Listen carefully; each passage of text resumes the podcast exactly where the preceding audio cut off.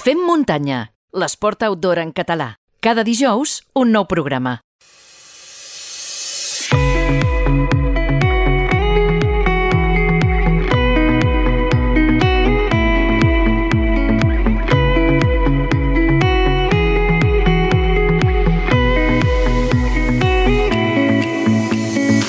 Dedicarem els darrers minuts del programa per passar per la consulta del nostre coach esportiu Guillem Marchal. Avui, després d'escoltar el Marc Sallerès, podríem dir que potser no acabem de saber establir correctament les nostres prioritats. No creus, Guillem? Molt bones, Xavi. Què tal, família muntanyera?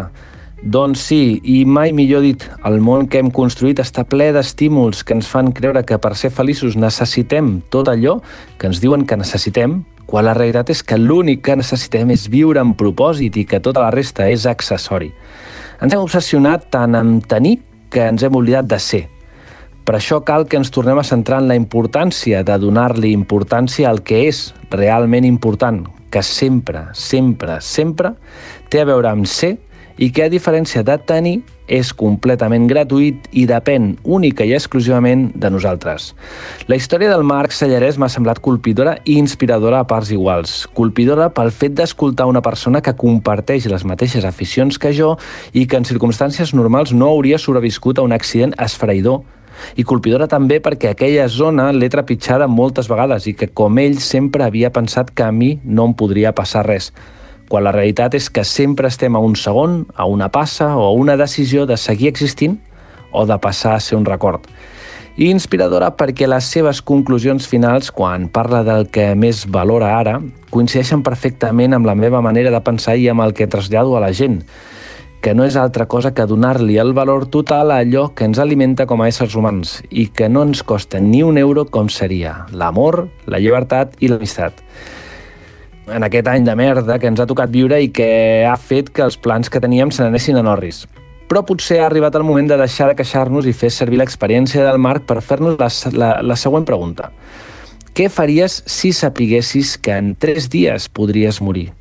En tota probabilitat, les vostres respostes estaran lluny de valorar si podeu fer alguna cursa, eh, fer alguna competició, eh, participar en un esdeveniment, etc i estaran més enfocades a mirar cap a dins i en com pots gaudir d'allò que trobaràs a faltar si deixes d'existir. Potser ha arribat el moment de que ens plantegem que els anys de merda han de venir per ensenyar-nos lo bé que s'està quan s'està bé. Amics i amigues de Fem Muntanya, no us equivoqueu perquè no deixaré de ser crític i beligerant amb els ineptes que ens desgovernen. Però sí que de la resignació neix una motivació. Com de la caiguda del Marc, li neix una nova passió per viure les petites coses a les que no li donava importància abans – Feu un exercici de regressió i porteu la ment a l'última vegada que vau estar malalts al llit amb poca cosa. Potser una grip, unes angines o alguna cosa així.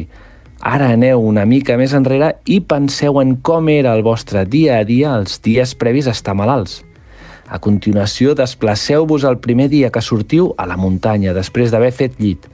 Se us està posant el somriure de la sensació de lo bé que s'està quan s'està bé? Perquè a mi la veritat és que sí. No fa gaire que he escoltat que els països orientals tenen una teràpia que passa per anar al bosc o a la muntanya un mínim de 5 hores a la setmana per reconnectar amb l'essència d'ells mateixos. Aquestes teràpies responen a estudis que parlen de que encara som animals de la natura, però que hem decidit encaixar-nos en ciutats i pobles per una falsa sensació de seguretat.